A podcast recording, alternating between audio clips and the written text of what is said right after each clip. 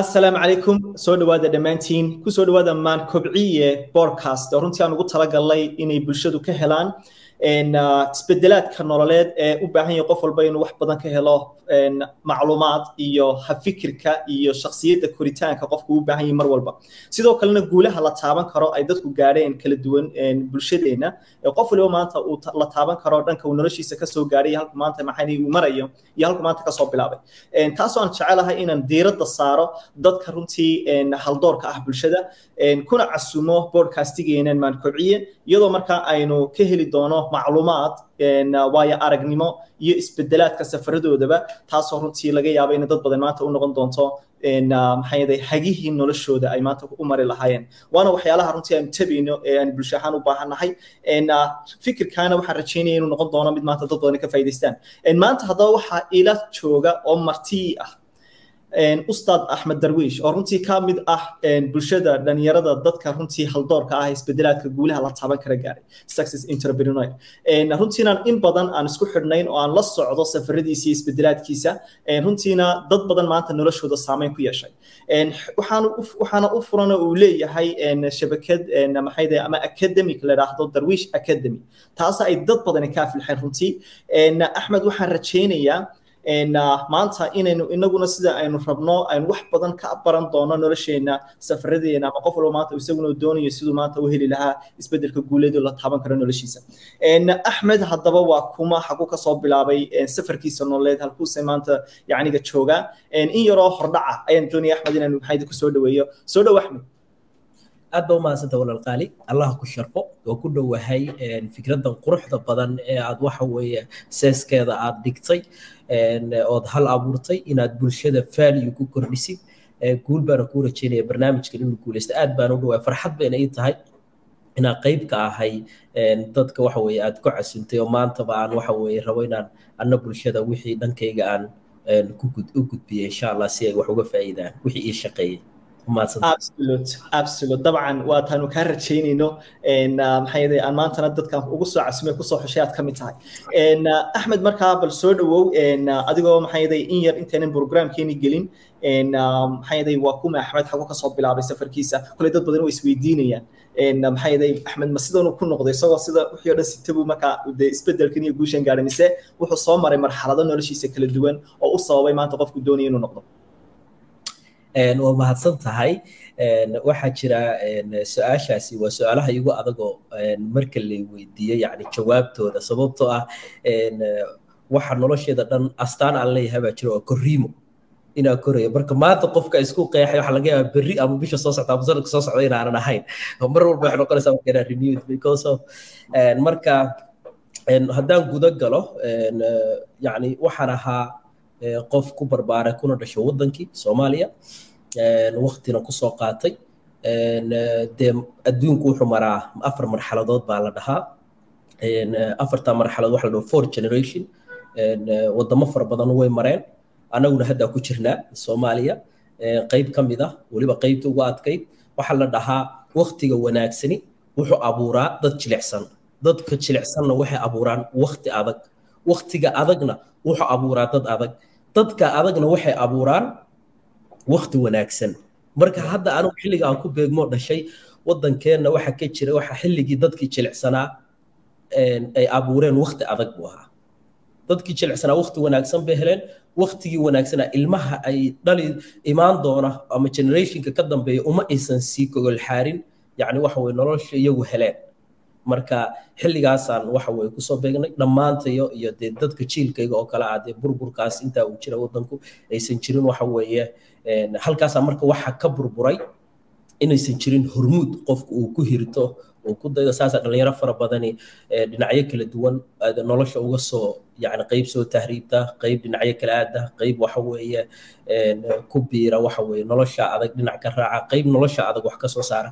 Marka anigu qaybtii waxaan ahaa iska waddan ka soo tahriibtay marka noloshaas riskigaas soo galay haddana meel adag ka soo bilaabay nolosha alxamdulilah meel fiicanna nolosha hadda waxa weeye gaaray alxamdulilah ilahay keladiisa wow maasha allah runtii wax weeyaan waxaa la odhan karaa yacni bilowga qofku noloshiisa markuu qurbaha soo geliyo iyo halkuu yacniga rajadiisa markuu markuu doonayo inuu maanta wax bedelo. Koley rajadaasaan wada lahayn dhammaanteen markuu qofku istilaahdo maanta bal nolosha meel ka duwan ka bilow dabcan wadankii baad soo bedeshay laakiin haddana inaad shakhsi ahaan isbedesho ama dad badani maanta ay xaqiijiyaan isbedelaadkoodii waa aad bay u yar yihiin ama waa waxaa la odhan karaa waa five percent ama waa one percent. Dadka runtii la odhan karo ama wadankii bay bedeleen mise noloshiisu bedeleen marka axmed ahaan waxaa la odhan karaa maanta dadka one percentiga ah ayaad ka mid tahay ee noloshooda bedelay runtii iyadoo aad ka mid ahayd bulshada dhammaan soo wada taariibtay iyaguba anigu waan ka mid ka ahaa. Sidaynu nolol cusub u raadsano. Marka axmed maxaa ka mid ah waxyaalaha ka dambeeyey isbeddelka inaad hesho? Maanta aad abuurto isbeddelka aad doonayso. Ee fikir ahaan ama maxay ahayd aragti ahaan ka kuga abuuray oo kale wallaahi waxaa jira walaal waxaan aaminsanahay maskaxdu meesha aadagu jirkuna aadaa formuladaha aaminsanahay. Absolute. Wax walba marka waxay ka bilowdaan saa u fikiraniya maskaxdeena. Tusaale yar maxaan ka wadaa maskaxda meesha aadagu jirku aadaya? Waxaa rabtaa inaad cunno samaysatid cunnadaas inta aadan ficilkeeda u dhaqaaqin ka hor waxay isweydiinaysaa cunno noocee raba inaad maanta samaysto ma baasta raba inaad samaysto bariis baa raba inaad samaysto hilib baa raba waa isweydiinaysaa waa ka fikiraysaa marka hore. Kadib baa ficilkii samaynaysaa. Marka jirka badi waxa maamula waa maskaxda. Marka meesha maskaxda aadagu jirku aaday marka haddii aad halakan hagaajisid oo halakan maamulkeeda qabsatid ramuudkeeda noloshaadu isbeddel weyn baa dhinac walba ka gaaraysaa adaana ramuudka haynaya. Marka waxaa aad ii caawiya aniga waxa waxaan bedelay habfikirkaygii waxaan bartay maskaxdayda sida u shaqayso ma aqoon awal maskaxdayda sida u shaqayso qof walba oo maanta nolosha horumar ka gaarina wuxuu bartay maskaxdiisa u shaqayso siduu u adeegsan lahaa saxda siduu u brograamin lahaa. Waa maxay marka qodobada ii shaqeeyey? Waxaa jira hal qodob oo aan rabo formulo aan u bixiyey qaacidada guusha. Rabaa inaan ka hadlo. Ereyga ugu horreeya soo qaadanayana waxa weeye rabitaan inuu jiro. Desire. Buuggan waa buuggan. U jacdadmay waa akhriskiisa buugga waan haystaa. Wuu jeexmay waxa weeye meel walba qalin baa kaga yaalla waxaa jira marka qodobka ugu horreeya wax kale kama hadlayo rabitaan xooggan waa inuu jiraa meesha rabitaanku uu jiro bay wadaduna jirtaa. Wax walbana waxay ka bilowdaa rabitaan. Haddii aan maanta rabo aan ku qanacsanayn meesha aan nolosha joogo waa inuu jiraa rabitaan meel aan meeshan uga guurayo kaba soo qaad soomaali baan nahay dhaqan baa leenahay aan ku dabaqno dhaqankeennii reer guuraa baan nahay. Dad waxaana intaysan magaalada soo galin baadiyo joogay. Maxay samayn jireen dadkii reer guuraaga ahaa. Qaab sayay u noolaayeen. Qofka marka meeshu abaar ka dhacda aysan ku qanacsanen meeshaa sii deganaadaan qof baa tegaya qofkaasi muxuu dirayaa sahan buu dirayaa sahankaas meeshaa soo sahaminayaa reerkii marka maxay samaynayaan waa la guurayaa meesha dooga baa loo guurayaa. Sidaas si lamida marka maskaxdaada adeegsan kartaa imagination baa adeegsan kartaa meesha aad rabtid inaad tegtid baa sawiran kartaa kaba soo qaad. Jirkaagaa rabtaa inaad bedeshid oo rabtid jir fiican inaad dhisatid waa inaad sawirataa qofka aad rabtid inaad noqotid? Waa inaad samaystaa role model? Waa inaad imagination kala noolaataa kadibna doonis xooggan iyo rabitaan waa inaad la timaadaa. Markaasa imaanaya ficilkii skilliska wixii dhan. Marka rabitaanku waa waxa kaa dhaqaajinaya meesha aad rabtid kuna gaarsi meesha aad joogtid kaana kuna geynaya meesha aad rabtid. Marka waxaa dhihi karaa qodobka ugu horreeya ee caawiyey xeerka xeerka kan wey aa u bixiya qaacidada guusha. Kow qofku inuu leeyahay doonis xooggan iyo rabitaan inuu la yimaado iyo kagoonaanshiyo rabitaanka markuu la yimaado marka maxaa imaanaya?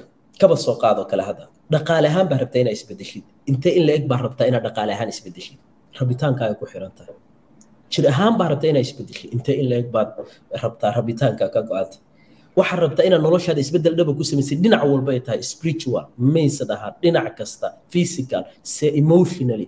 Waxaa u baahan tahay rabitaan inuu jiro ka go-naashiyo. Kaba soo qaad. Wax walboo maanta noloshaada haysatid. Waa wax aad rabtay ka fikirtay dareentay kadibna waxa weeye aad ficilkii soo yani resultigii ka soo baxay aad la nooshahay hadda. Tusaale idin siinaya maxaa aniga ii shaqeeyey waxa ii shaqeeyey kow doonis xooggan markaan la imaaday dhinacayaan degsaday noloshayda qaybo kala duwan. Qaybta habfikirka oo kale inaan koro ama waxa aan doonayo oo kale doonis aan la imaado. Doonistii marka aan la imaaday waxa aan rabo waxa samaystay waxaan ka shaqeeyay fikirkayga. Inaan waxaa ka fikiro aan rabo. Kadib inaan ka hadlo waxa aan rabo. Kadib inaan maqlo waxa aan rabo kow maxaa la imaaday baa idhahday aan idinku celiyo qaacidada. Waxaan la imaaday kow rabitaan xooggan iyo doonis xooggan. Kaba soo qaad. Waxaan rabaa inaan dhaqaale sameeyo. Qof walba wuu doonaya sababtoo ah dhaqaalaha wax walbaa ku xiran maanta noloshan aan joogno. Dhaqaalaha aan doonayo waa inaan ka fikiraa inta aan rabo. Dhaqaalaha waa inaan mar walba ka fikiraa. Waa inaan la imaadaa waa inaan ka hadlaa. Waa inaan mar walba maqlaa ku celceliyaa saddexdaa markaa la timaadi waa saddex dareemo oo aan leenahay. Labada dambe inaan ka hadalno yacni maqalno wixii aan maqalno kadibna aan ku celcelinno kana fikirno. Wax walbo aad ka fikiraysid iyo wax walbo aad ku hadashid. Wax walbo aad ka fikiraysid waa ku hadlaysaa mararka qaar. Waxa aad ku hadlaysid waxa ka soo baxaya inaad dhegtaadu maqasho hadalka markaa ku hadashid oo kale. Kaba soo qaad inaad tirahdid yacni qaabka anigu u adeegsado maxaa ka mid a markaa saddexdan qaacido? Aan u nimaano waxa abuurmaya waxan way abuurmaya. Wixii marka aad ka fikirtid ka hadashid kadibna aad maqashid. Maxaa dhacaya? Waxa dhacaya abuur way abuurmayaan adduunyada dibadda imaanayaan waxaa jira wax walba laba laba mar bay abuurmaan. Marna gudahaaga ku abuurmaan oo maraa ka fikiraysa wixii dareemaysid. Kadibna waa maray bannaanka u soo baxayaan waa maxay waxa bannaanka u soo saaraya waa awoodda ereyga. Markuu bannaanka u soo baxo waa maqlaysaa hareeraha ka baxaya. Tusaalaan ku siinaya. Siduu u shaqeeya waxa weye wax walbo oo aan tuuro maxaa dhacaya? Aduu kugu soo laabanaya. Maanta taleefonkaygana kuu soo duura shaakir. Waad qabatay maxay igu soo celinaysaa mar labaad? Misla taleefonkay ugu soo celinaysaa mise liin baa igu soo celinaysaa? Isla telefoonka because waxaan kuu dhibaa taleefonkaa soo ma? Sidaas si lamida wax walbo aad ku hadashid aduu dib kugu soo laabanaya. Haddaad wax negative aad ku hadashid adoo dib kugu soo laabanaya. Kaba soo qaad marka. Markii hore lacagta dhinaca aan ka haystay waxaa idhi dhaqaalahayga raba inaan wax ka bedelo. Waxaa fiiriyey relationshipka iyo cilaaqada naga dhexaysa aniga lacagta waa the powerful point. Oo runtii aan iminka jeclaysanayo inay dad badani maqli doonaan. Horta lacagta maxaynu ka aaminsannahay marka laga hadlo marka inta inta aan maxay lacag la raadinin oo kale dad badan waxaa laga yaaba lacagta inay ka qabaan cabsiba oo laga yaabo bulsho ahaan inaan aaminsannahay qofka hadduu lacag sameeyo inuu fasahaadayo ama nolosha ka maxay dhacayo ama lacagtu dhibaato horseedayso sida badan aan maqli jiraan uga bilagii yacniga waxyaala fara badan noloshayda. Axmed marka bal adiguna bal faa'iidada nala wadaag maxaad lacagta ka aaminsanayd? Maxaa idhahday kow doonis. Lacag baa rabtaa inaad samayso waa inay doonis la timaado sooma maxaa kaloo ka hadlay? Saddex awoodood baa ka hadlay. Awoodda fikirka awoodda ereyga oo hadalkiya iyo awoodda maqalka. Saddexda waa isla fahanay iyo qodobka koowaad dhisaya okay lacagta marka aad ka fikiraysa fikir noocaya maskaxdaada ku soo dhaca isweydii. Kaas ku xaliyo. Ha may baahiyaha koorta laga hadlayo maxaa ka aaminsanaa marka lacag maqlo maxaa ka fikiraya? Dad baa waxay ka fikiraya lacagtu waa waa waa waa shaydaan waxbay dumisaa waa ku fasahaadaysaa fikiro noocaasa miinsada bay ka haysaan dadka qaar kaba soo qaad markaad lacagta ka hadlaysid ereygaa ilan wixii aad ku fikiraysa baa dhahaysaa waa waxaa ka aaminsanayd kadib fik afkaaga maxaa ka baxaya waa lacagtu waa fasahaad lacagtu waa saas wixii aad bannaankaaga u soo baxay yacni kaba soo qaad erey baa bannaankaaga u soo baxay negative ka soo baxay lacagta lacagta kuma imaanaysa oo kaa cararaysaa tusaale yar baan ku siinaya maanta hadda adiga hadal taban ku idhaahdo oo aanan habboonayn ma kula tahay inaa iga soo agdhowaanaysid waa iga cararaysa waa iga fogaanaysaa sooma hadduu laakiin qof kale ku dhaho hadal xumaana uu ku dhaho labadaya kee u imaanaysaa? De qofka hadalka wanaagsan iyo iyo sida dabacsan ay la hadlaya absolutely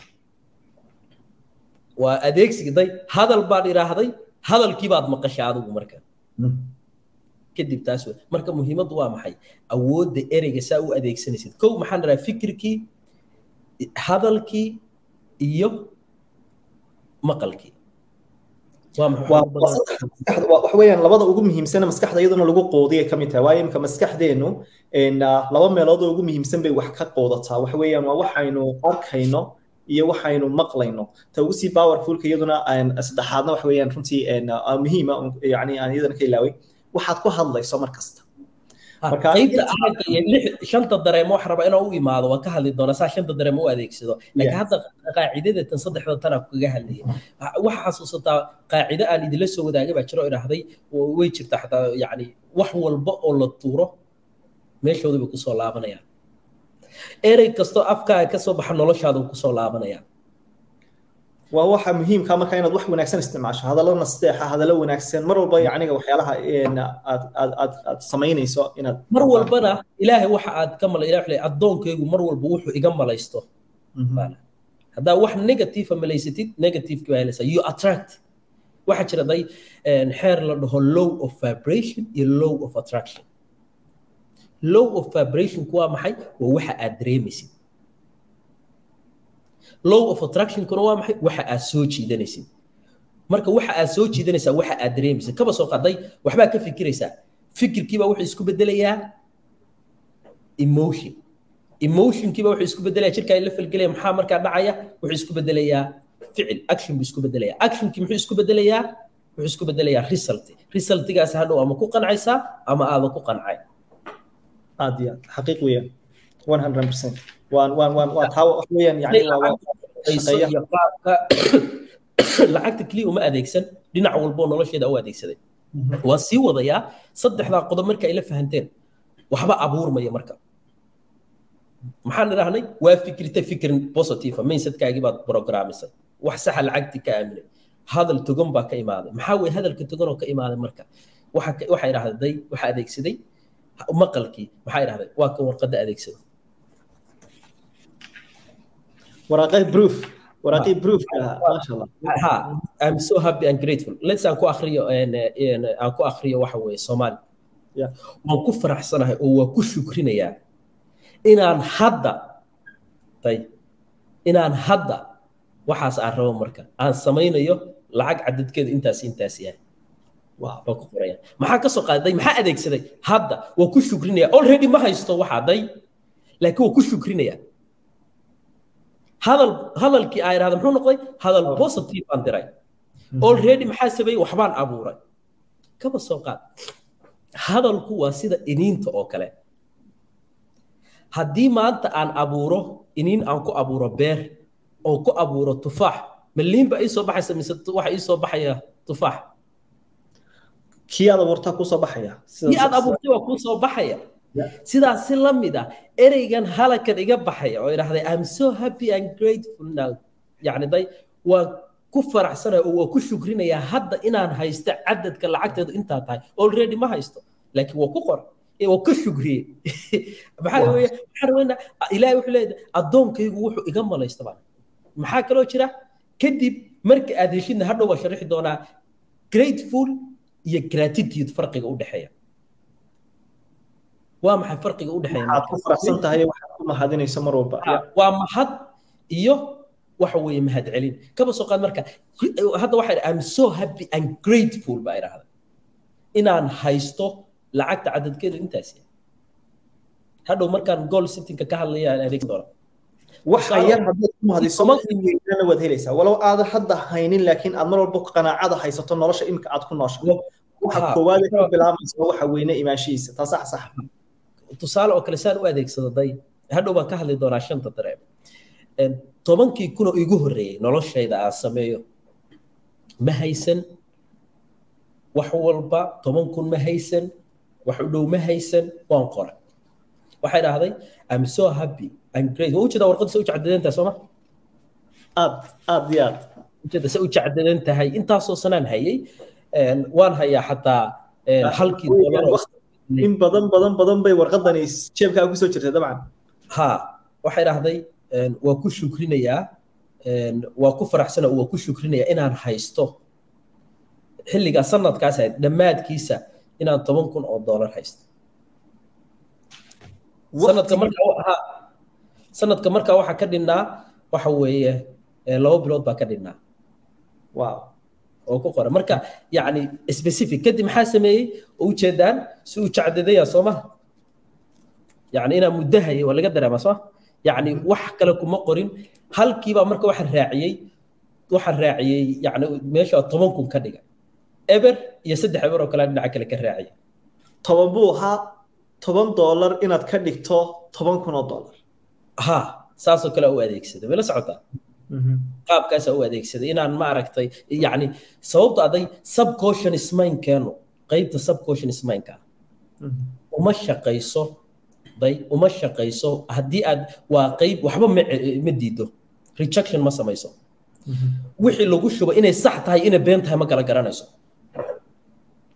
Hadday aragto marka maxaa idhaahday hal doolar buu ahaa halkii doolar baa waxaan u bedelay baa waxaan ku daray eber kadib dhibic baa idhahday eber eber eber baa ku sii raaciyay markay aragto waa taabanaya jeeb walba igu jirta waa taabanayay waan arkayey waan maqlayay oo ku celinaya halakan waan hadlayay. Maxaa adeegsanayaa shantii dareeme baa adeegsanaya.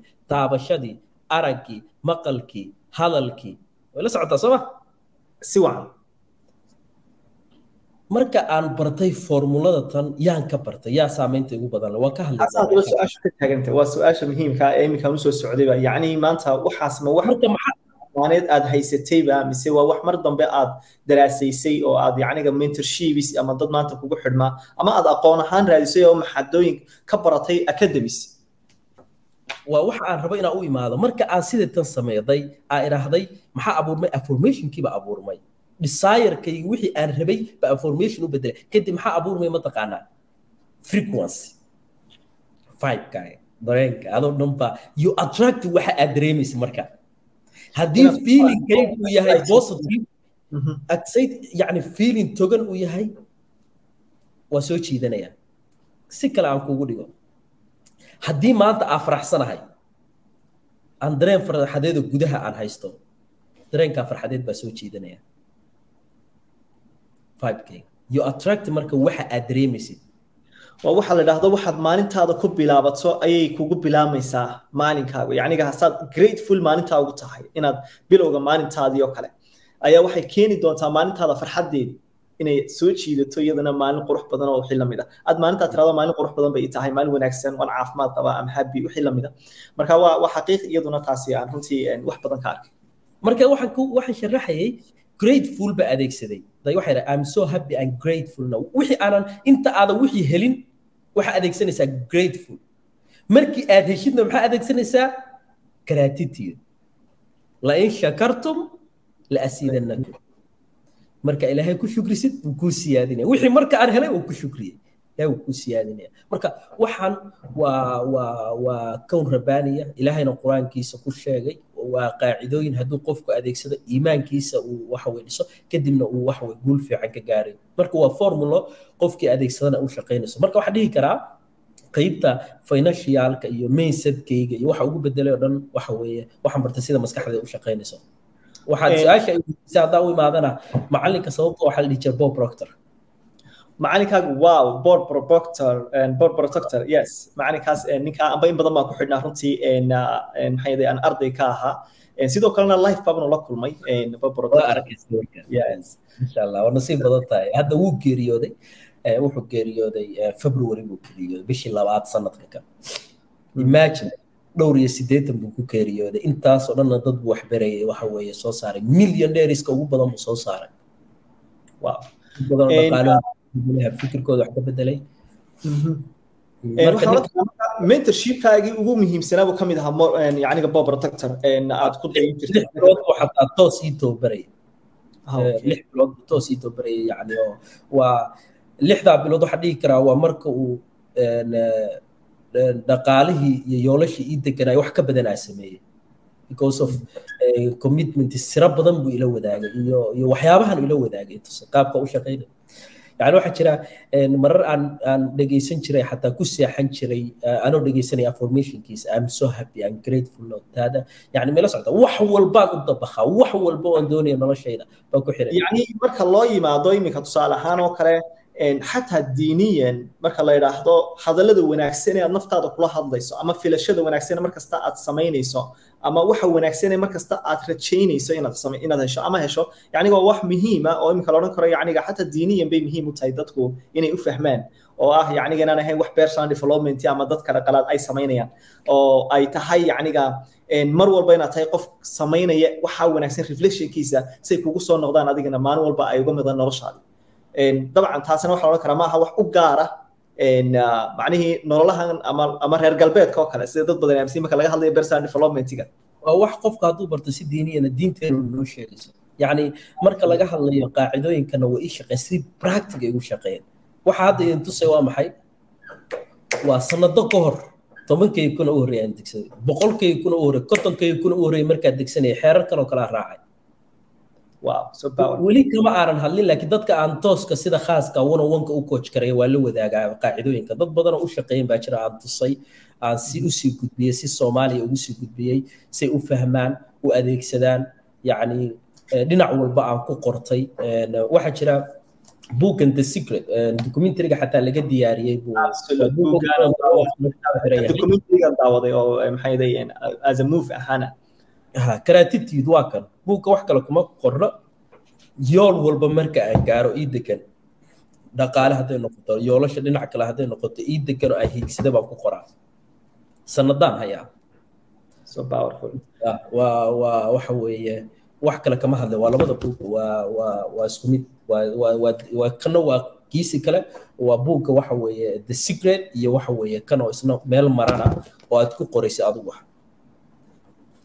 yool kasta oo gaaro kanoo kale waa maray mujeda yool kasta oo gaaro baa waxaan ku qoraa inaan dhahay waxa I'm so happy yani inaan hiigsado yoolkaas. Markaan noqoto financial tobankay kun kontonkay kun boqolkay kun horey markaan sameynaya qaabkaan inaan ku shukriyo mar walba ilaahay qaabka u adeegsado. Waxaa jira waxaa jira buugka think and grow rich isagana waa kan.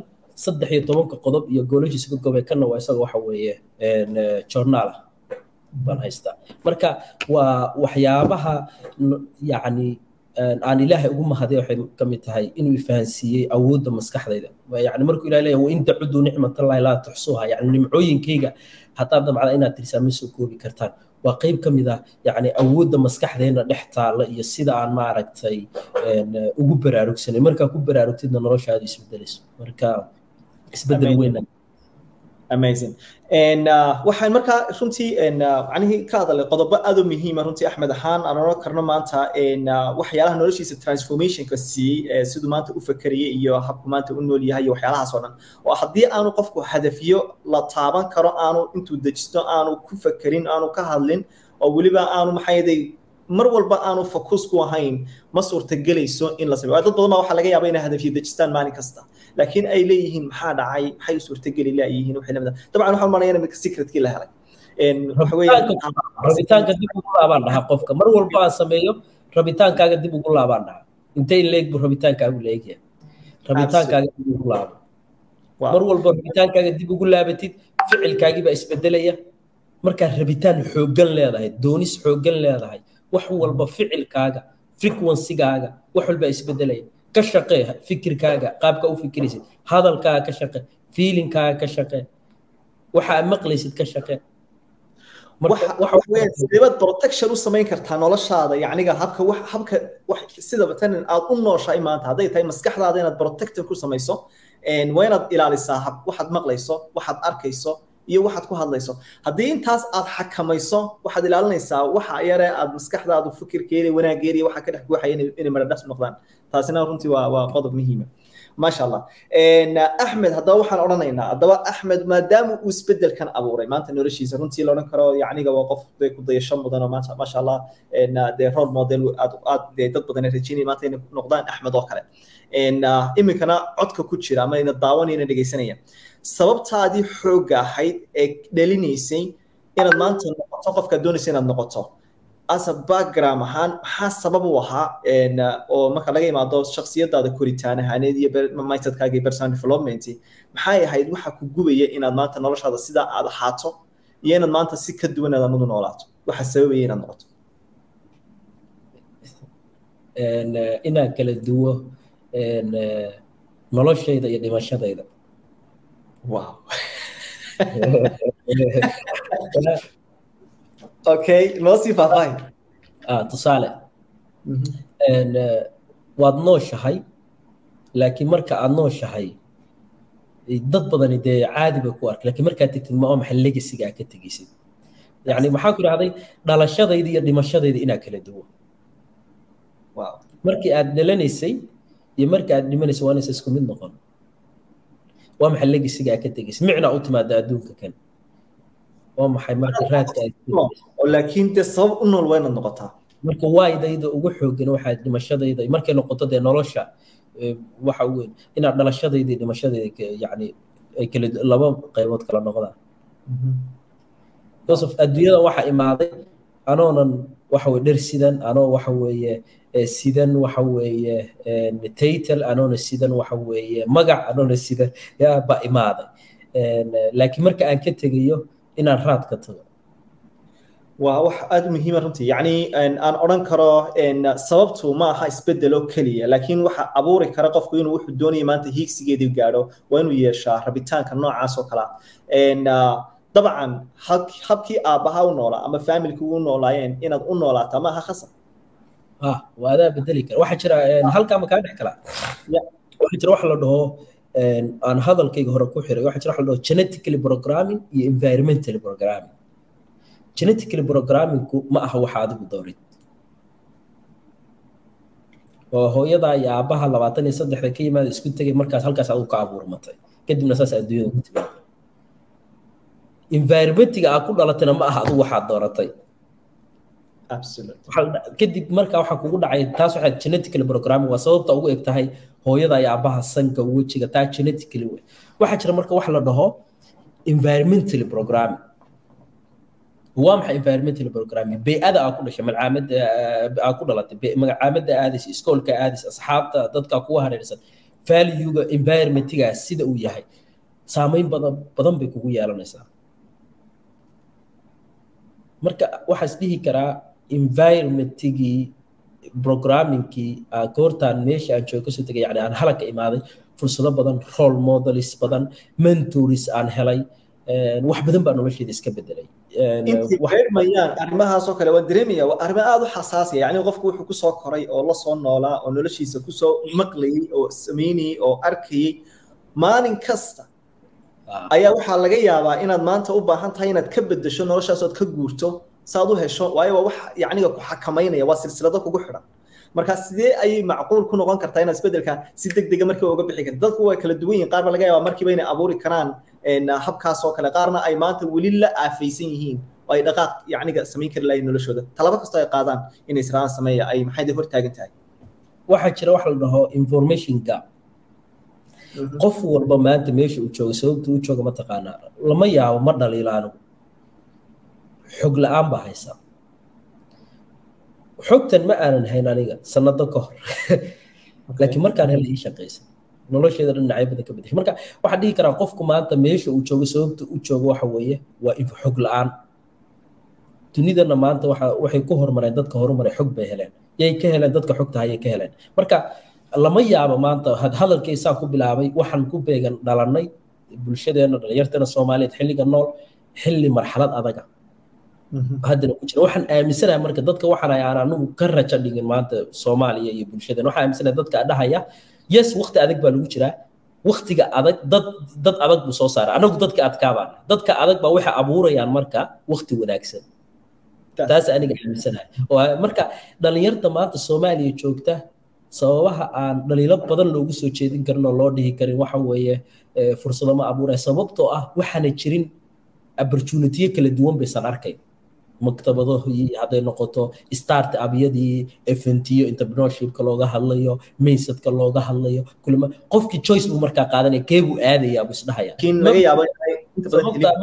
si dadka ugu badan oo maanta dhaqaalaha ugu badan soomaaliya haysta oo soomaaliya gudaheeda jooga ma arkaysid qof intuu meel soo fariisto ka hadlaya from scratch sababtu uga soo bilaabay dhaqaalaha kan wisqaabku ku sameeyey siduu halka ku soo gaaray yacni wadadii si dhalinyarta xataa dhiirigelin ugu noqoto in iyaguna waxa weye meel hoose ka soo bilaabi karaan. Dadka maanta soomaaliya ugu taajirsan oo ganacsiyada ugu waaweyn haysta nolosha meel hoose ka soo bilaabeen.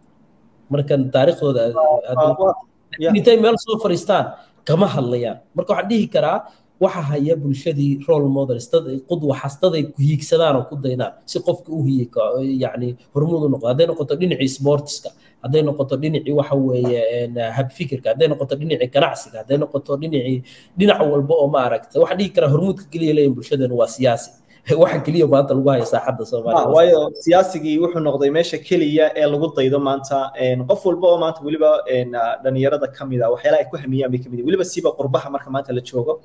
Wadankii hadduu tago inuu xibsi xisbi wakiil ka noqdo ama ama uu jaaliyada hogaamiyo ama inuu siyaasadda qayb ka soo galo xun adigu dhankaas taasoo u arkaya inay sharaf u tahay ama wax uu yacniga noloshii uu xaqiijiyo noloshii bulshada uu kaga yara duwan yahay.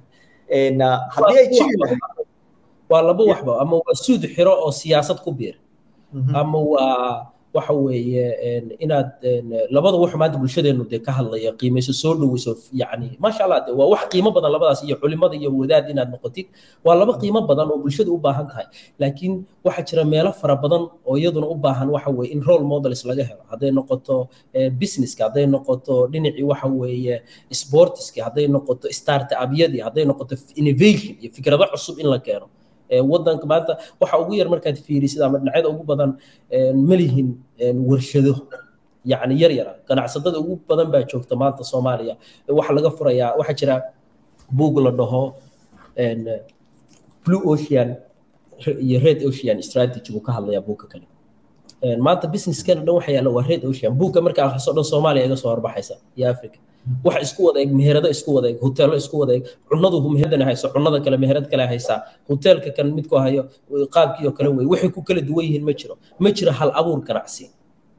Kulligoo waa isku wada egyihin that's why ba marka waxaa la dhahaa red oceanka kalluun fara badan baa ku jira kalluun wuu ku jira laakiin kalluumaysato badan baa jooga. Marka fursaddu way ku yartahay. Laakiin dhinaca blue oceanka waxaa la dhahaa kalluun badan baa yaalla laakiin kalluumaysato badan baa joogta. Waa xagee marka blue oceanka waa meesha dunidu u socoto. Oo reer ah. Fikrad cusub la imow oo reer ah. Maanta aanan ka jirin wadankii hal abuur la imow waxaanan oolin seeba u soo gudbin kartaa waxaa la dhahaa entrepreneurship. Qofka ganacsadaha waa qofka dhib arka isku daya dhibtaa inuu xaliyo entrepreneurshipka haddaba iminka aynu doonayno inaynu in badan maxay horta runtii dadku ay fahmaan ama maxay yaday ganacsi guulaysta. Mar walba ganacsiga guulaysta ama ganacsi yacniga ku dayasho mudan ku dayasho lagu sameeyo cid kale lagaga daydaa waxa wadankii ka socday dadku ay markaa samaynayaan. Mise waa inaad keentaa fikrad cusub oo markaa baahi muhiimad ka jirto meeshii aad u baahanta inaad dabasho sida uu shaqaynayo bal entrepreneurshipkana la wadaaga. Walaal waxyaabaha jira waxa weeye horta yaa soo saara hal abuur dad le yaa soo saara waa inay isweydiinaan. Ma jiraan maanta wadankeena ma ka jiraan meelo hal abuurka soo saara? Iska daa wax kale xirfadaha laguma barto xataa iskoolaadka. Wadamada yurub xataa xirfadaha lagu baranaya harqaankii iyo baa lagu baranaya ma jiro. Qof walba wuxuu rabaa ama inuu injineer noqdo ama inuu siyaasad barto ama inuu xafiis ka shaqeeyo. Because of systemka iskoolaadka baa saa u dhisan. Laakiin haddii yani la abuuri lahaa kulamo waaweyn oo lagaga sheekeynayo waxa kan waa in qofku waa in dab lagu shidaa. Qof walba oo maanta fikrad ganacsi curiyey waxbaa daaray ama youtubeka muuqaalo uu ka daawaday oo dad luuqadiisa ku hadlaya ay la wadaageen ama kulan uu xaadiray uu tegey ama xog uu helay informationa. Marka waxaan dhihi karayaa sababta aan u weyna gudaha wadankeena dhalinyaro fara badan oo entrepreneurship hal abuurla inay ka soo baxaan waxa weeye kow waxa ka jira waxa weeye manipulation oo dadkii dhaqaalaha ugu badan haystay iyagu controlkii dhan gacanta haya. Nidaamna ma jiro ka weecinaya. Ma jiraan start upyo kulamo waaweyn oo layskugu yimaada ma jiraan oo dhalinyartii waxa weeye xog lagu siinayo dadkii khubrada ahaa ay siinayaan talo si ay information u siiyaan oo stebisas ugu bilaabi karaan. Waxaa la dhahaa meesha aad joogtid waxa ugu yaroo haysatid wax ku bilow taa ma aaminsanin anagu marka. Qofka soomaaliga wuxuu rabaa inuu wax weyn wax ku bilaabo mar walba jecel yahay in la garab galo oo la taakuleeyo haddii aan taas aanu helinna aanay waxba soconayn anigu waxa dhahaa mataqaanaa wax kale ma dhaho miiska wax la imo baa dhahaa. Miiska marka wax la timaadid value baad ku soo biirinaysaa. Mar walbana jim ron baa wuxuu dhahaa suuqa waxaad keentaa wax qiimo leh value. Markuu qofku ku arko inaad adigu isdhistid waxaan ka hadlayaa marka su'aasha ay weydiiso ah waay baa baan u weynay dad hal abuur leh hal abuurnimadu koormay timaadaa walaal. Markuu qofku dhisan yahay. Maan ahaan fikir ahaan aragti ahaan foundationka ugu badan oo business ku taagan yahay waa qofku inuu dhisay ganacsiga dhisay. Inta aadan ganacsi dhisin adigu isdhis inta aadan ganacsi dhisin adigu isdhis saddexda sano ugu horeysa businessadana way burburaan. You know why? Because of dadkii waxaan dhisayey baan dhisnay waayo qofku wuxuu isu dayayaa keliya inuu wax helo inuu wax bixiyo ma rabo? Waayo ku celiyaa businesskii ideadii jira adiga aad valuegaad abuurayso absolute yes markaan businesska soo gelayey waan dhisnaa hab fikir ahaan. Laakiin qaabka markay noqoto khaladaad fara badan baa sameeyey. Maamulka lacagta bilowgii horreeyey saaxadda inaan soo gelay. Hadday noqoto yacni lacaga aan siyaabo ku isticmaalaya markaasaan waxaa jira waxaa u baahan tahay iyo waxaad rabtid. Marka baahidii iyo rabitaankii baana kala saari jiray. Waxa isoo geliyay waxa iga baxayana inaan isku baarkay marka dib baa iskugu laabtay koorsooyin fara badan baa qaatay. Saddexdan buug waxaan dhihi karaa waa saddexda buug oo maanta inaa waxa weeye dhaqaalahaygu badbaado koro sababta u ahaa. Ilaahay ka soko yani. Inaan fahmay xeerarkooda waa saddexda buug wuxuu ka hadlayaa buugga ugu horreeya robert yasaki wey waa guru buu ii yahay markay noqoto financialka waa ninkaan wax badan xataa buuggiisi kalona waa kan waa cash flow. Wuxuu ku barayaa lacagta sida u wareegto iyo qaabkeeda dhan buu ku barayaa uu kugu hagayaa sidaad waxa u samayn lahayd waa ninka ii kala saaray waxyaabaha maaragtay assetka iyo liquidityga waxyaabahaas wuxuu ii kala saaray liabilityga iyo assetka iyo inay kala yihiin. Hadda wuxuu ku leeyahay gaari baad iibsatay jeebkaagaa ka iibisay buu ku leeyahay. Asset maaha. Adigu jeebkaaga mar walba wax ka doonaya gaariga. Wuxuu ku leeyahay koormuu noqon karaa asset marka aad guri iibisid ama business maalgelisid faa'iidada ka soo baxda gaariga aad ku iibisay markaas gaarigaas wax walba u baahda halkaa kalaa ka bixinaysa. Wax saddexaad u dhexeeya baa samaynaysa adi isaga. Daaragta jeebkaaga ugama baxayso marka strategical wuxuu baray kii u dambeeyey waa ka buuggiisan kalena wax kale kama hadlayo. Wuxuu ka hadlayaa saddexda dabaqadood dadka.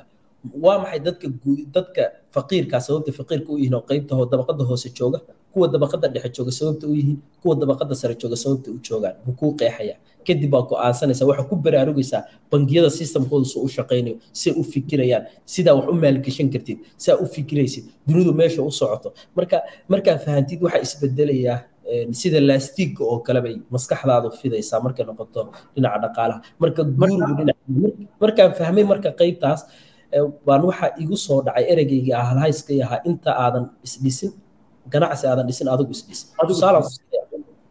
guri baa hadda ku jiraa sooma inuu iga soo igu soo dumo marna maskaxdayda ma soo gelin. Waa maxay sababta? Waxaad ku kalsoon tahay habdhismihiisa. Habdhismihiisa injineerkii dhisay miyaa garanayaa?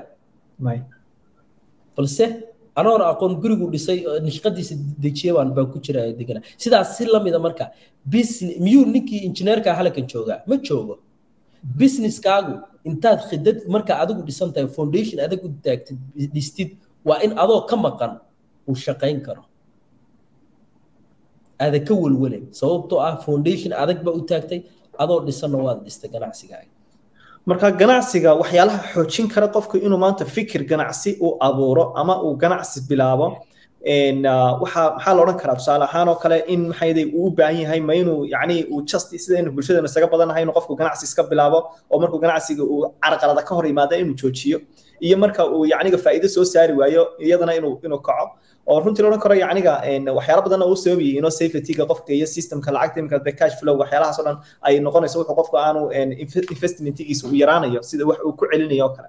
Laakiin valuega uu keenayo suuqa baahi inuu asturo inuu service wanaagsan bixiyo iyo inuu yacniga maanta idhaahdo waxaas waa wax maanta dadka ay u baahan yihiin isbedelkeeda inuu abuuro. Taasi hadday timaado waxaan maraya in malaagacaas qofka in waxa la rabaa horta saan sheegay foundation ka dhisan yahay. Saddex qodobna inuu fahmo. Markaasuu business qofkaas waxa aaminsana inuu hogaamin karo. Dad baa waxay dhahaan muhiim ma aha oo traditional red ocean businesska dadka jooga oo kale. Yes waxaa jira waddanka soomaaliya oo kale. Qof baa meherad iska furanaya dadkaas luqadiisa uu kula hadlayo uu furaya waxaas ka iibinaya soo qabatan okay taas system noocaas laakiin markaad business dhisaysid company dhisaysid shirkad dhisaysid waa inaad saddex wax fahansantahay sidee lacag loo sameeyaa? Lacag see loo sameeyaa? How to make money. Lacagta sida loo sameeyo marka aad baratid ood samaysid waa inaad tirahdaa okay lacagtan aad sameeyey sidee baan u maareeyaa? Lacagtan aan maareeyey sidee baan u laba jibaaraa qodobka saddexaad. Saddexdaa qodob markuu qofku fahmo waxaa hubaa inuu dhaqaalihiis wax badan iska bedelayo saddexda dabaqadood uu ninkan sheegayana waa saddexda qaybood oo dadku kala jiraan marka aad fahantid sida lacag loo sameeyo weli wax badan baa kaa dhiman sababta day waxaa arkaysaa qof lacag samaynaya u yaqaana sida lacag loo sameeyo laakiin sida loo maareeyo ma yaqaano shanta bisha shan iyo tobanka bisha tobanka bisha waxaa ma haysta koontadiis waa maran tahay because sida loo haystaa dhinaca kale uu ka cunayaa wixii uu samaynayay taas way qofkaasi meeshiisa u taagan yahay weli uusan kor ugu kacay. Wax badan way soo gelayaan laakiin waxa soo geliyay waxa baxayana way sii badan yihiin. Way sii badan yihiin. Marka buugganaa ka hadlay wuxuu ku leeyahay waxa kaa baxaya iyo waxa ku soo gelaya. Waa inay badan yihiin waxa ku soo gelaya waxa kaa baxayana ay yaryihiin marka aan bartay inaan reduce gareeyo waxa iga baxaya. Markaas yacni baan dareemay fikradahayga iyo waxa dhaqaalahayga inuu waxa weye koraya sababta marka qofku uu barto dadka taajiriinta sababta u taajireen waxay barteen lacagta sida loo laba jibaaro. Muhiim maaha yes waa samaysay waa maaraysay sidee baa meel fog ku gaari kartaa waa inaad laba jibaartaa. Fikirka inta badan yacniga maadaaman iminka maan kabciye maxaa yeelay muhiimadda aynu doonayno bulshadu inay wax badan u iftiimina runtii oo ay ka dheehan doonaan maanta runtii fikradaadka kala duwan runtii maanta aad nala wadaagtay. Macnihii waxaan aaminsanahay wax la dhaahdo nasiib inay dadku maxaa dadka wax haystaa nasiib wax ku helo. Qofka waxba u yara kala kacay nasiibkaa saaciday qofka businesskiisiiba xoogaa nasiibkaa saaciday waxyaa la mid a laakiin ay tahay waxuu qofkani sameeyey iyo siduu u maamulay inay kala bedelayso labada shaksi kii caadiga ahaa iyo kii aan laba qof isku lacag soo gashaa midna faqiir noqonaya midna taajir noqonaya. Sababtu marka ay tahay dadaalka iyo ficilka uu geliya ama aqoon ahaan wuxuu adeegsaday. Ilaahay qur'aankiisa wuxuu ku leeyahay kullu nafsin bimaa kasabat naf walba waxay leedahay waxay shaqaysato. Marka taas waxaan dhihi karaa wax walba waxay u baahan yihiin juhdi. Waxaada waqti gelina ma noqonaysid. De haddii wax walba nasiib lagu helay dadka duniyada jooga dhan baa taajiri lahaa. Si adag inaad u shaqaysid juhdi la timaadid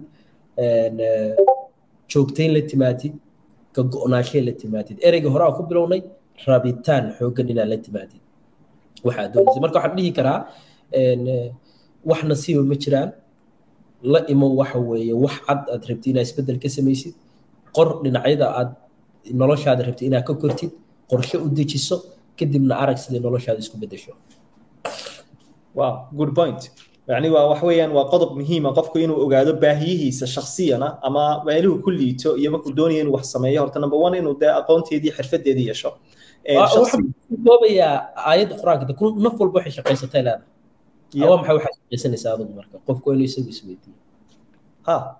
Waa inaad waxaas dee aad shaqaysanaysaa ku cad yihiin iyo macnihiisaad markaa maanta u maarayn lahayd iyo saad maanta aad u kobcin lahayd iyo yani qofkii maanta aad doonaysa inaad noqoto.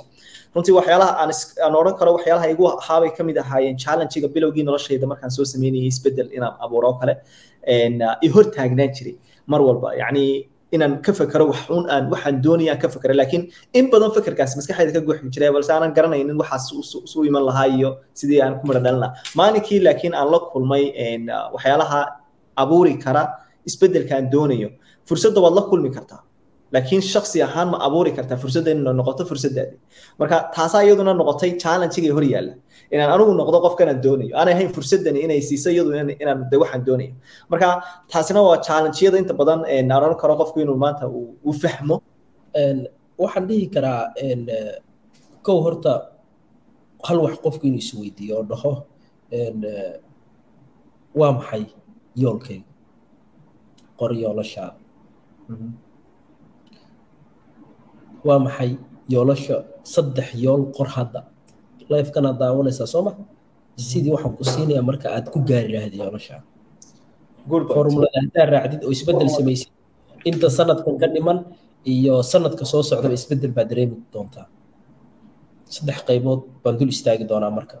Kow qaybta kowaad korriimo shakhsiyadeed. Saa u kori lahayd. Saa u kori lahayd. Habfikir mindsetkaaga yani u korin lahayd jirkaaga emotionkaaga dhinac kasta spiritualkaaga qaybtaas waa korriimo qaybaheeda kala duwan. Kadib dhaqaale ahaan qodobka labaad sidaa u kori lahayd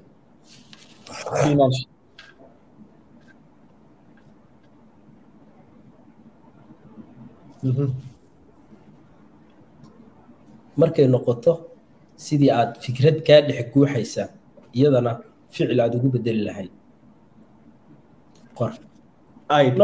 Fikradaa noqon kartaa. Fikrad adig kaa dhex guuxaysa businessaa bilaabi kartid buu noqon karayaa. Youtubea bilaabi kartid buu noqon karayaa.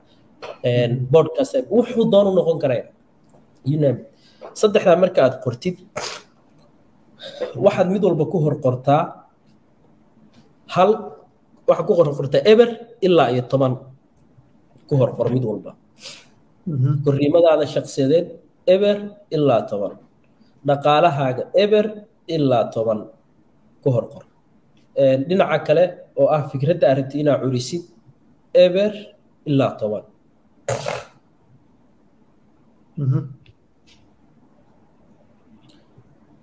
Hadda marka waxay is weydiisaa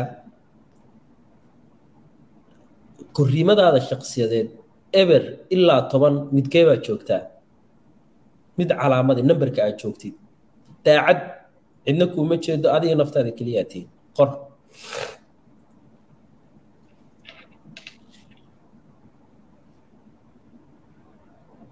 Number dooro. Okay waxaad tagtaa dhaqaalahaaga eber ilaa toban.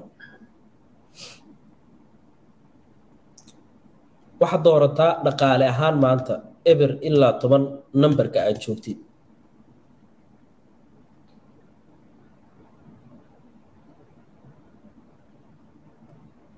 oo min qiyaas okay?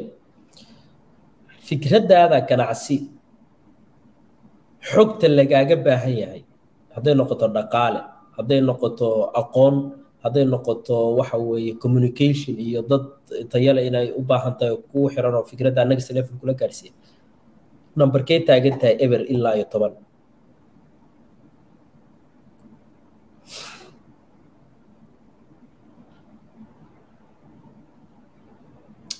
Waxaan ku siinayaa marka mid walba haddii aad shan ka hooseysid waxa u baahan tahay improvement.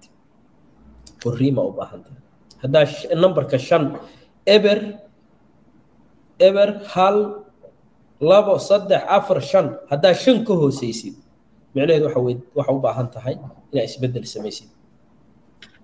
Qaybtaada korriimadaada shakhsiyadeed haddii ay shan ka hooseyso gargaar deg dega u baahan tahay. Iyo sidaa u korin lahayd improvement ugu samayn lahayd korriimadaada shakhsiyadeed maxaad dad markaad faamilkaaga ka bilow tusaale meesha keliya min qiyaaska isku samayn karta waxa weye miiska markaad la soo fariisatid la wada cashaynayo maxaa miiska keenaysaa? Qof noocoyaa ku soo fadhiisanaysaa ma xataa qof adigu isku kalsoon adigu noloshiisa meel ka soo saaray mise xataa qof kale ku tiirsan qof kale. Walaalkiisa oo kula eg yes in la walaaltinimada wax qurux badan laakiin isweydii hadda. Ma tahay qof adigu isku tiirsan maxaa miiska keenaysaa marka asxaabtaada la fadhidid qof noocee aa tahay meherad la fadhiyo la shaaxay qof laga haybaysto value ma miiska wax ku soo biirinaya? Lagaa haybaystanayo wax yani leh taasaa ku fiirinaysaa korrimadaada shakhsiyadeed afkaaga markaa kala furto qof afkiisa la daawanayo lagu tuumay inuu wax qodob ka hadlaya ma tahay. Dadka value ku biirinaya meelaha iska qiimeyn kartid bay ka mid tahay. Marka isku da inaad dhankaasna improvement ka samaysid oo haddaad shan ka hooseysid gargaar degdega iyo isbeddel degdega u baahan tahay. Lix iyo toddoba iyo haddaad joogto waa fiican tahay laakiin mar walba inaad ka sii badisid baa fiican ilaa aad ka gaaraysid meesha sare laakiin mar haddaad shan kor ka tahay waa fiican tahay. Dhaqaalahaaga isweydii haddaad shan ka hooseysid isbeddel degdega u baahan tahay. Fikraddaada ganacsi aad rabti inaad curisid. Haddaad xogteeda ahayd dhaqaalaha ku bilaabi lahayd ahayd hadda samee ha ka faan haddaad ahayn dhaqaale shaqo aad soo shaqee. Lacag kaydso connection samee dadaal samee kadib fikraddaadi curi wax walba meel bay ka bilowdaan. Tirada kunka ah markay gaarto hal bay eber bay ka bilaabataa tallaabadaada marka mar walba waxa wax qurxiya waxa weeye inaad wax aad ka sheekeynaysid ay jiraan. Buugkayga nolosha koto koto kahayd baa kaga hadlay. Qodobo badan oo ka hadlay wax yar yar hale ahaada maanta oo yaraha waan dareemi karaa. Marka saa haddii xoogaa aad dareentaan energyga laakiin alxamdulilah fiicna. Marka fiiri min qiyaaskaagaas fiiri dhinacyada ay tahay. Marka saddexdaa min qiyaas marka aad samaysid waxaan rabaa inaan idinla wadaago qodobka u dambeeya. Sidee waxa aan doonaya maskaxdeeda ugu programaya hadda markaan dad baa one on one coaching siya baa jira. Business yale dad waxa weeye raba isbeddel inay sameeyaan si shaksiyana dhakhtarka marka ii imaana marka su'aale aan weydiiyaa jira dadka sidaas si lamida dhakhtarka markaa u tegeysid su'aal buu ku weydiinaya isla marka dawo kuuma qorayo. Hadda sababtaan u lahaa qof walba saddexdaa qodob min qiyaas isku samey meesha aad joogtid hadda waxa aan ku siinaya waa ku dabaqaysaa marka. Sababta already waa ogtahay meesha aad joogtid. Marka way ku caawinaysaa formuladana. Waxaana idiin sheegayo waa wax aan ka soo bartay macalinkaygi iyo macalimiintii aan ku xirnaa ii shaqeeyey sanado badan aan dabaqayay nolosheeda result la taaban karana aan ka arkay hadda aadna adeegsata kuu shaqaynaya. Qodobo shaqeeyey oo qof kastana u shaqayn doona haddii uu raaco oo garantiina dabcan aan la odhanaynin axmed wax khaasa u shaqaynay laakiin the secret maanta lama helo secretkan wixii adiga kuu shaqeeyey inaad tiraahdo qofka waa la kala iibsadaa maanta fikradaha. Maanta dabcan in free ku bixinayno waa wax lagu mahadiyo. Laakiin waxaa laga yaabaa inaad inaad seminaar u baahanta inaad uga qayb gasho aad tigir ku goosto kumanaan lacaga inaad qofka coach ku qabsato uu maanta kugu siiyo the secret waad kumanaan yacniga ku iibsato. Buuggaas inaad ku iibsato fikrad ahaan waxaa kaa caawinaya lacag ka bixinaysid. Waxyaalahaas oo dhan marka maanta ma sahlana runtii coaching baaba loo qabsadaa personalia dabcan halkaa wuxuu ku qora mataqaanaa yool dejinta maujeedaa sawirkaygii weeye yool dejinta waa ku qoran waxaan ka bartay waxa la dhahaa warqadda yoolka. Waxaan ka bartay macalinkaygii bob proctor. Isagaa ii soo diray mid noocan ka tan aniga brandigayga ku samaystay hadda laakiin mid noocan ka duwan oo qaab kalaaba ii soo diray. Wuxuu yidhaahday ku qor waxa aad doonayso. Waa xasuustaa markaas dhaqaalaha waxa aad doonayo improvementiga dhinaca carab waxa aan samaynayo baan ku qoray. Mar walba waxa aan rabo inaan koriyo kadib igula xisaabtami jira mar walba waxbaan ka qori jiray meeshaa maray lixdaa bilood oo i coach garaynaya wey yacni waa maxay wixii ii shaqeeya marka aan ka bartay waan raba inaan idinla wadaago? Wuxuu ku leeyahay qor waxa aad doonayso kaba soo qaad waxaad rabtaa bishan inta aad rabti inaad samaysid haddaad kun doolar rabti inaad samaysid haddaad toban kun rabti inaad samaysid shan kun haddaad rabti inaad samaysid qor waxaad tidhahdaa waa ku faraxsanahay oo waa ku shukrinayaa hadda waxaa ka dhigaysaa joogto yani taagan baa ka dhigaysaa. Kama dhigaysid tagtadii iyo timaadadii already inaa haysatid baa ka dhigaysaa. Koontadaada ku jirta. Waa ku faraxsanahay oo waa ku shukrinayaa in aan haysto. In aan haysto toban kun oo dollar. Dad islaama baa nahay. Salaada markaa ka baxdo kalaad baad akrin kartaa ku celceshin kartaa. Ilaah waa ku mahadinayaa oo waa ku faraxsanaa inaan haysto toban kun oo dollar. Xilligaa iyo xilligaa. Inaad dhanleen u yeeshid way fiican tahay laakiin oo tiraahda xilligaa xilliga inaad shan kun oo dollar xilligaa xilliga laakiin markaad ducaysanayno maxaa samaynaa? Ilaahu caafimaad sii ilaah waa ku faraxsana intaad yani waxay yani waa waa sidaasoo kale iimaankaagi waxaanoo kale aan ka hadlayno waa waa wax aad haysatid baa ku jirta inaad haysatid baa already noloshaada ku jirta baa ka soo qaadaysaa. Marka waxaad dhahaysaa maskaxdaa ku programinaysaa waa akhrinaysaa subconscious mind maxay wax ku qaadataa mataqaanaa wixii lagu celceliyo. Faatixada hadda mararka qaar inaa ka fikir adoo akhrinay dusha ka akhrinaya arkaysaa sababta uu ku celcelitaanka ku celcelinay sababta u xifdisanayaan u ilaawa salaada ku jiraan qaar badan baan jooginba fikirkoodii meelo kale ka fikiraya laakiin faatixadii u akhriyay.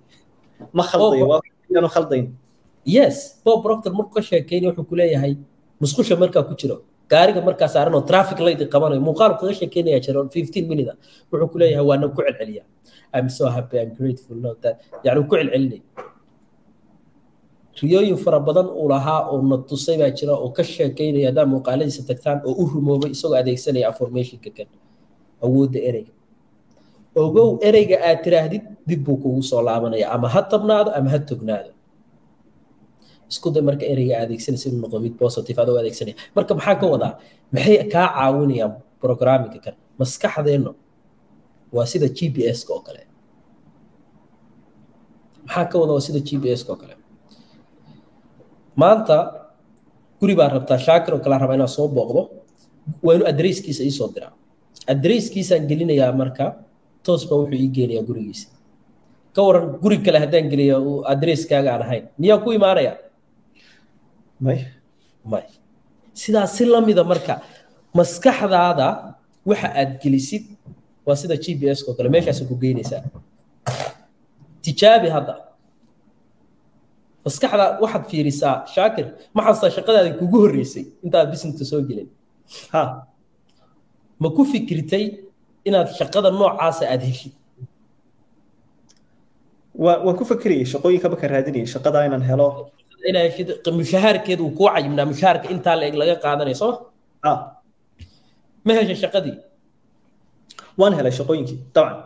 Weliba intaasoo shaqaan raadiyey oo mushaharka intaa waxa weeye way cadidan yihiin. Mid walba shaqada mushaharkaas leedahay shaqadaas mushaharkaas leedahay. Aniguna waxaan u baahanay mushahar intaa la eg maadaama baahideyda ogahay gurigeyga waxaan u baahanay dabcan intii shaqada waan helayay dhowr shaqaan gar xasuustaa weliba. Waa sidaa u samaysay. Intaa qortay aad raadinaysay la kulmaysay ficilkii samaynaysay sooma you know why maskaxdaada waxa siisay adresskaas subax kastaad tegaysay waa la soo kulmaysay waa ka fi mar walba soomaada kamaada fikirayso kumaada celcelinaysa rinta maalin walba waxaan ka lihi jiray shan shan yacniga shan shan shaqaan maalin maalin walba shan xafiis baan tegi jiray inaan shaqo soo raadiyo ma heshay shaqadii marka dhowrkii shaqaba sooma waan helay sidaas si lamida marka adresska aad u siisay. Marka aad businesskaaga bilaabaysay soo misna aad ka tegaysay soo wax ka weyn maskaxdaada kumaada programin salariga aad qaadanaysay mid ka badan. Inaan shaqada ka tegayay business ahaan aan uga tago salarigan salary ka badan yacniga iga soo gelaya that's the point. Historygayga ka mid tahayba wayna wayna waana samaysay. Daas waxa laga hadlaya marka. Maskaxdaada haddii aad ku programmisid maanta aad ku programmiyo inaan boqol dollar helayo sida uu sar shaakir ugu programmay shaqadiisa why not? Aad u siin kari la-adahay adresskaas haddaad toban kun adresskaas siisid way ku geynaysaa maskaxdu ma kala taqaano. Waan xasuustaa waan hayaa buuggii konton kun doonaysid haddaa boqol kun doonaysid meeshaasay ku geynaysaa wayno waxaase adeegsanay. Ha tobankay kuna wareey markaa sameynay kontonkay kuna wareey boqolka waxaan aan idinla wadaagayo waa formula. Saa u adeegsanaad qor marka samee. Waxaad tihi I'm so happy and grateful no dad inaan samaynayo bla bla bla. Lacagta intaan lehay kadib ku celceli ku celceli ku celceli. Markaa seexanaysa information arag laakiin waa maxay? Waddadii waa inaa haysaa. Lacagtaan ku samayn lahayd. Maa wax iskaga ka imaanaya waa inaa waddadii haysaa. Marka anigu yoolasha qoranaya de businesskayga ku jiray. Waxaygaa samaynaya juhdi baan la imaanaya waqti baan gelinaya qof meel u socdaan ahaa rabitaan xooggan baa igu jiray. Ku soco shaakir sorry absolute. Qodobkaagaasaan xoojinaya yacni affirmation ahaan oo kale qofku inuu wuxuu programyo ay macquul tahay mar walba inuu inuu inuu heli karo marka marka lagu daro ficilkii iyo dadaalkeedii. Tusaale ahaan waxaa xasuustaa mushaharka lacagta ay soo gelaysay aad bay u yarayd. Kadib waxaan ka fekeray lacagta marka waxaan qiimeeyey waxa heer waxay hareere yaalla lacago badan ba waxaan diraya hadday noqoto biilan hadday noqoto guriga kiradiisi hadday noqoto xaas iyo family cusub igu soo biiray wax layga baahan yahay. Noloshii markaa shaksi ku noolaa mid ka badan markaa isoo isoo hor istaagtay. Marka midaas aan ku noolaa waa inaan ka gudbaa marka oo nolol ka duwan meeshii ay timaadaa si aan yacni aan baahiyihii u daboolo. Deetana waxaan qortay wax allaaliya wixii igu baxayay ee markaa necessaryga ahaa ama basiga ah deetana waxaan ku daray intii markaan qoray waxay ka badatay intaasi lacagta mushaarka ay soo gasha baahiyahay baa batay. Deetana waxaan haddana ku daray fakahaysi maxaan u sii baahanay maaha baahidu inay isku fadhido keliya waa inaan u baahanahay wax ka sii dheeriya oo extra iigu jiraan xisaabta iigu jirtaa. Saan baahideedii yacniga markaan ka gudbo aan u sii haysto extra. Marka waan qoray lacagtii baan saa u qoray. Deetana waxaan idhi haddaba taasaan u baahanahay labada bilood ee soo socda waa markaan ka tegayo shaqadeydii aan businesskayga bilaabayo lacagtii baaba qortayba exactly. Waan qoray exactly. Book baan haystaa igu qoran tahay marka dabcan isla laba bilood ka bacdi weliba ma odhan karo bil ka bacdiba lacagta intii aan qoray wallahi inaan been sheegin intii aan qoray ayaa ii soo baxday oo bishii kale income-kaygi noqotay. Cajiib waa adresska asiisay maskaxdaadii absolute marka adigaa ku wata. Waa adresska asiisay tusaale caadiya nool baa tahay ya? Salano yar baa xasuustaa formuladan aan berayay wuxuu yidhaha macquul maaha hadda mataqaana intuu leeyahay macquul maaha shan kun bay ahayd bishii inuu sameeyo macquul maaha buu yidhahda just tijaabi baa yidhahda waa laga yaabaa inaysan bisha noqon aadan samayn bisha kale aadan samayn laakiin waa samayn doontaa. Tijaabi formulada raac xeerarka raac. Adreysku maskaxdiisa siiyey buu geysay dee. Ka badan buu sameeyaa hadda. Maasha allah marka waxa weeye waa maxay يعني it's all about waa mindset waxa jira dadku marka waxay samaysta waxa la dhaho self imposed limitation iyaga xuduud nafeed samaysta dadku waxay samaysanaya qofkii xuduud nafeed buu abuuranayaa uusan ka baxayn halkaas ku qancaya isla fikirka markuu qofku ka fekeraya wixii uu doonayo baahidiisa inta badan carqaladaha jira ee inta badan hor istaaga fikirkaa markaad imika baahidaadii lacageed baad ka fekeraysaa horumarka shakhsiyadeed iyo noloshan inaad ka yara baxdo deetana waxaad maskaxdaad usoo dhacsaa macquul maaha markaad baloogto ee aad tirahdo macquul maahaba waxaa imanaysa inaad yacniga aad wixii ay ka istaagaanba marka waxyaalaha ugu badan dadka hor istaaga ka mid inta badan fikir ahaan oo kale marka ku soo dhacdo waxay baahidooda ay doonayaan. Iyo markaa wixii markuu eego dhado wallahi malaa macquul maaha marka taasaa ah waxa meesha in laga saara ah hota ah waa macquul. Saad ugu bedeli lahayd marka anigu hadda taladeeda waxaan dhihi lahaa dhaqaalaha rabti inaad doonaysid qeex raadi waddadii waad helaysaa waan hubaa saa ku celcelisid subaxii markaa soo toosaysa habeenkii mar walbo jaanisaysid warqadda jeebkaa kugu jirto ku celceli akhri. Waa intaasoo warqadood oo noqdeen yani u jacdadmeen dhogor bay yeesheen meel walba igu jiraan. Waa akrinaya waa arkaya waa taabanaya juhdi baan markaas gelinaya wixii dhan. Marka dhinacaas waa dhinacaas aan rabo inaan la wadaago waxa caawinaya waxyaabaha marka aan dhihi karo aniga way caawiyeen. Weliga waxaan dhahaa qofka ha ku dhegin inaad hal meel keliya xog ka heshid nolosheenu dhinacyo kala duwan bay ka kooban tahay dhaqaalay ka kooban tahay dadla dhaqan bay ka kooban tahay iimaaniyaad bay ka kooban tahay ruuxaaniyaad waxay ka kooban tahay ilaahay inaad ku xidhaad waxay ka kooban tahay habfikir waxay ka kooban tahay. Dhinacyo kala duwan hogaamin dad baa hogaaminaysa dhinacyo kala duwan. Waa inaad isku baalansi garan karta business baa dhisaysaa businesskaasaa next level u gaarsiin lahayd. Marka waxaa jira aniga waxyaaba i caawiyey baa jira. Waa maxay wixii i caawiyey dhaqaalaha markay noqoto iyo sida loo maarayo loo maamulo saddexdan buug iyo ninkan ay caawiyo xataa akademiyadiisaan galay ninkan waa robert yosaki waa nin cajiiba xog badan ka bartay. Qaybtaa saddexdiisaa buugna hore idinla wadaagan aad buu active u yahay. Ha markay hogaaminta iyo leadershipka noqoto john maxwell baa jecelahay ninka kan. Buugtiisa wuxuu ka hadlaya sida dadka guuleysta u fikiraan sida waxa weeye dadka waxa weeye guuleysta wax u hogaamiyaan formulooyin badan buu kaga hadlayaa. Markay noqoto buugga kan habfikirkiisa qofku inuu waxa weeye wax badan ka barto. Think and grow rich buugga kan iyo iyo journalkiisa waan haystaa. Hadduu rabo qofku inuu sameeyo isagoo shaqadiisa ku jira inuu fikrad ganacsi bilaabo oo yar waa buug caawinaya isagana oo idinkula talinayo hadduu rabo qofku inuu yacni ka fikiro imaginationkiisa iyo yani habit fiican dhisto dhisto waxa weeye dhinaca teamwork. Dhinacyaaba kala duwan buu buugkani ka hadlayaa. The seven habits of effective people waa buug tayala weeye waa idinkula talinayaa. Ma aha buugta inaad akhrisaan keliya waa inaad dabakdid inaad dabakdid wuxuu ka hadlayaa buugkan wuxuu kuleeyahay meesha u dambaysa ka bilow.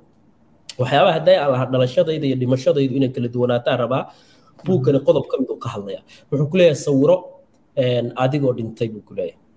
Qabrigaa dad ka dul maxaa jeclaan lahaa in lagaa sheego? Saasaa u fikiray waa isu weydiiyey maxaa jeclaan lahaa in layga sheego? Idhaa markaas wuxuu ku leeyahay haddii aadan ku qanacsanayn waxa aad jeclaan lahayd hadda aad ku nooshahay dadku ay kaa yaqaanaan hadhow kaa sheegi doona hadda bedel buu ku leeyahay.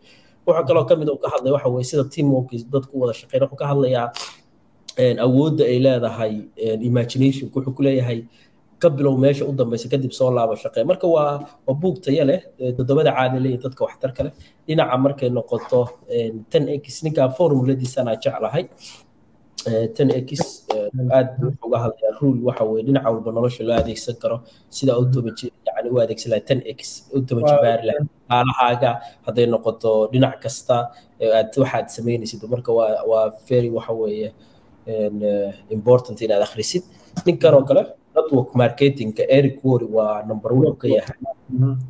One eric worry markay noqoto network marketingka businesska iyo sida next level loo gaarsiiyo. Shirkado waaweyn oo oo caalamka ah buu sameeyey waa nin cajiiba buuggan wuxuu ka hadlayaa haddii aad yani company dhisay sidoo kale sidaad customer ku heli lahayd ama fikrad ganacsi leedahay oo kale oo istaraatiijiyado badan buu ku siinayaa. Kanoo kale wuxuu ka hadlayaa sida team buildingku ka hadlayaa building the waxa empire sidaa team u dhisi lahayd iyo waxyaabo fara badan shakhsiyaadka dadka dhinacyadooda kala duwan dadka yani behaviorkooda si u fikirayaan qaabka u kala duwan yihiin dadku sidaa ula dhaqmi lahayd wax badan buu ka hadlayaa. Waxaan ku soo koobaya marka intaas buugtu hadday dadkiina swedishka wax ku akriya buugkan oo kale waa mol buugkan baa la dhahaa waa buug muhiima isaguna buugga kale ugu cajiibsan oo ku soo gabagabeynaya waa the magic of think big.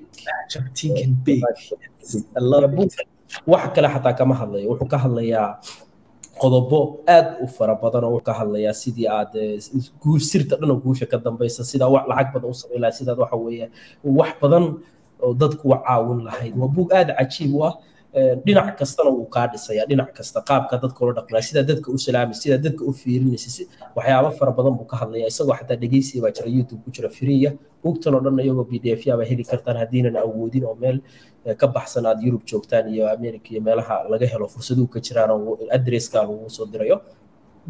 Intaa waxa ugu soo koobi karaa waxa weeye inaad dhinacyo kala duwan qofku wax ka akhriyo ina ka yani hadda waxaa jira dad aniga iyo role model hadda waxay ku dhegan yihiin qolkayga xataa ku dhegan yihiin haddaa telefoonkaga jira laa wayn tusi lahaa laakiin computer baa kaga jira. Dad waxaa jira aan ku daydo aan arko oo igu hareereysan oo waxaa ka mid ah dad dhinac hadday noqoto spiritual hadday noqoto dhinac leadershipnimo hadday noqoto dhinac aan waxyaabo badan kaga daydo public speakerka sida looga hadlo hadday noqoto trainingka hadday noqoto investmentiga hadday dhinacyo kala duwan waxyaabaha ah xise valuega ii leh dad aan kaga daydo dhinac walba. Oo mar walbo aan arko aan dareemo inaad dadkaas mar uun waxa dhinacooda aan fariisto.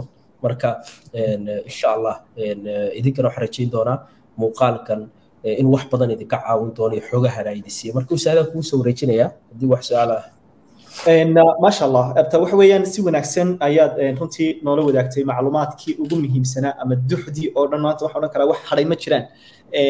Qof waliba maanta wuxuu de ka dhex guuxaya sidii maanta isna uu heli lahaa isbeddelka nolosha uu doonayo.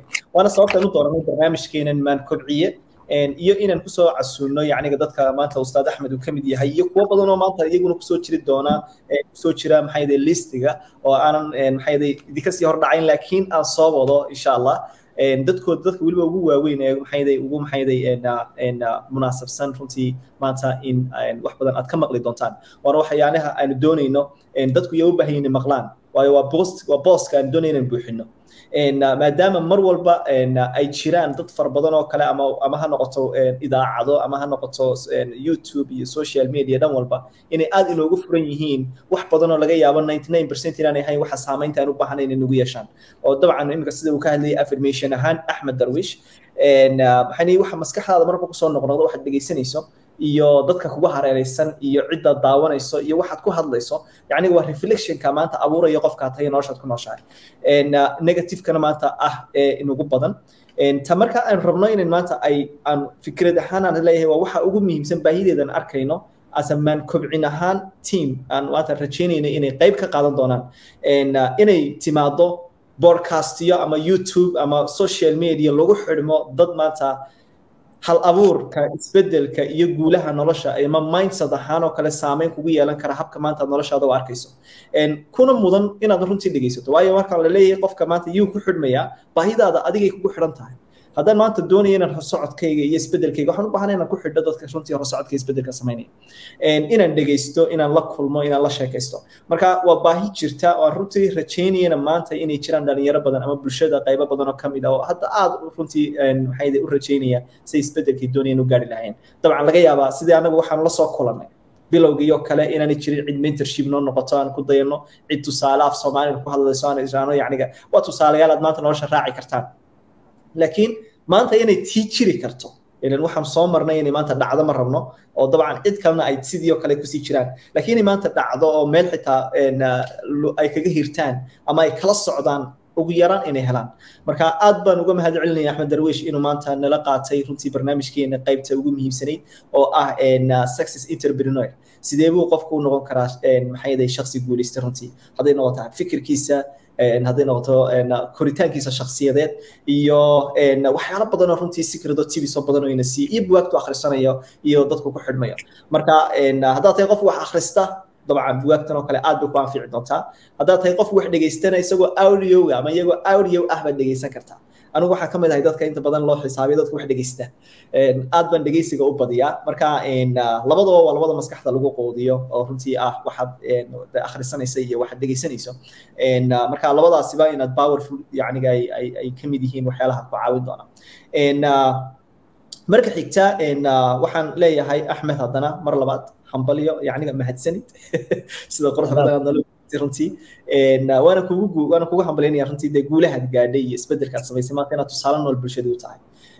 Dabcan odhanna maayo waa meetingkeenii ugu dambeeyey. Waxa weeyaan kolley inaan marar badan oo dambe iyo programmo ka duwan aynu isugu nimaadno oo aynu weliba qodobo badan aynu taataabano maadaama tahay qof cilmi badan ka buuxo oo aanay imika maanta ahayd hordhac iyo qayb yaroo axmed kumo ahaa iyo maxaa u shaqeeyey iyo siduu isbeddelka u abuuray. Laakiin marar kale aan rajaynayno asamaan kobciye ahaan inaan dadka weliba si khaasa iyo barnaamijyo khaasa aan dooran doono maxay yaday saan maxay yaday falanqayno diyaar wala wax walbo bulshada ma aragta caawinaya mar walba waxaan jeclaa inaan waqti geliyo. Iga raalli ahaada haddaan xanuun yar baa yara dareemaya haddii xataa aad codkay uusa si faseexa idiiso gaarin laakiin waan waan jeclahay walaal waana kaaga mahad celinayaa wax walbo bulshada kor u qaadaya faaliyugooda xaqiiqatan social mediahayga kuma soo bandhigo lacagaha aan sameeyo. Kuma soo waxa mawduucanna badanaa kama hadlo oo waa bahalkeenayay mawduucyadatan. Laakiin waxaana la sugaya waqti. Alxamdulilah inaan dadkii tusaalayaal cadcad soo hordhigo aan tuso waxaanse u shaqaynaya tijaabiyaan aan dad aan baray formulada ay u shaqaysay horkeeno marka waa wax result iyo waxaana jeclaa mar walba bulshada wax value inaan ku kordhiyo ugu yaraana dhibtaydana aan ka ilaashado inaan wax ku kordhiyo aan jeclaa qof walba oo bulshada wax ku kordhinaya oo waxa weeye yidhaahda kaala igala qayb qaadana waa jeclaa inaan kala qayb qaato. Diyaar ba wahay walaal anytime. Waxa weeye dee dad isku dhowna waa nahay asxaaba wax badan ka wada shaqeeya. Yacni waa diyaar ba wahay waana waxaan ahay all in. Ya waa halayska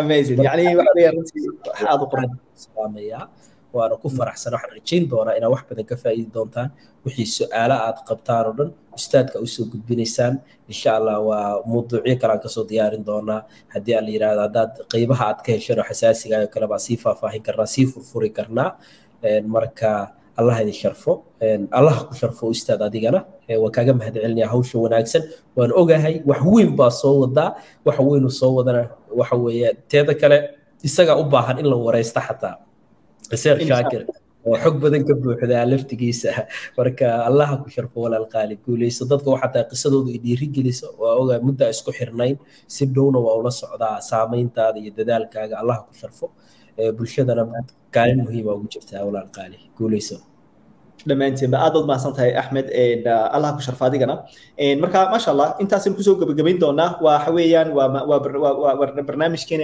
podcastgeeni maan kobciye oo runtii aan doonayo inuu noqon doono waxyaalaha ugu badan ee maanta ay bulshadu dhegeystaan ama meelaha ay kala socon doonaan success maxayday stories entrepreneurship dhan walba haddii laa ka dhigo intaasaynu iskaga tegi doonaa waxaan idin leenahay maalintu haydii wacnaato guuleysta dhammaantiin السلام عليكم ورحمة الله وبركاته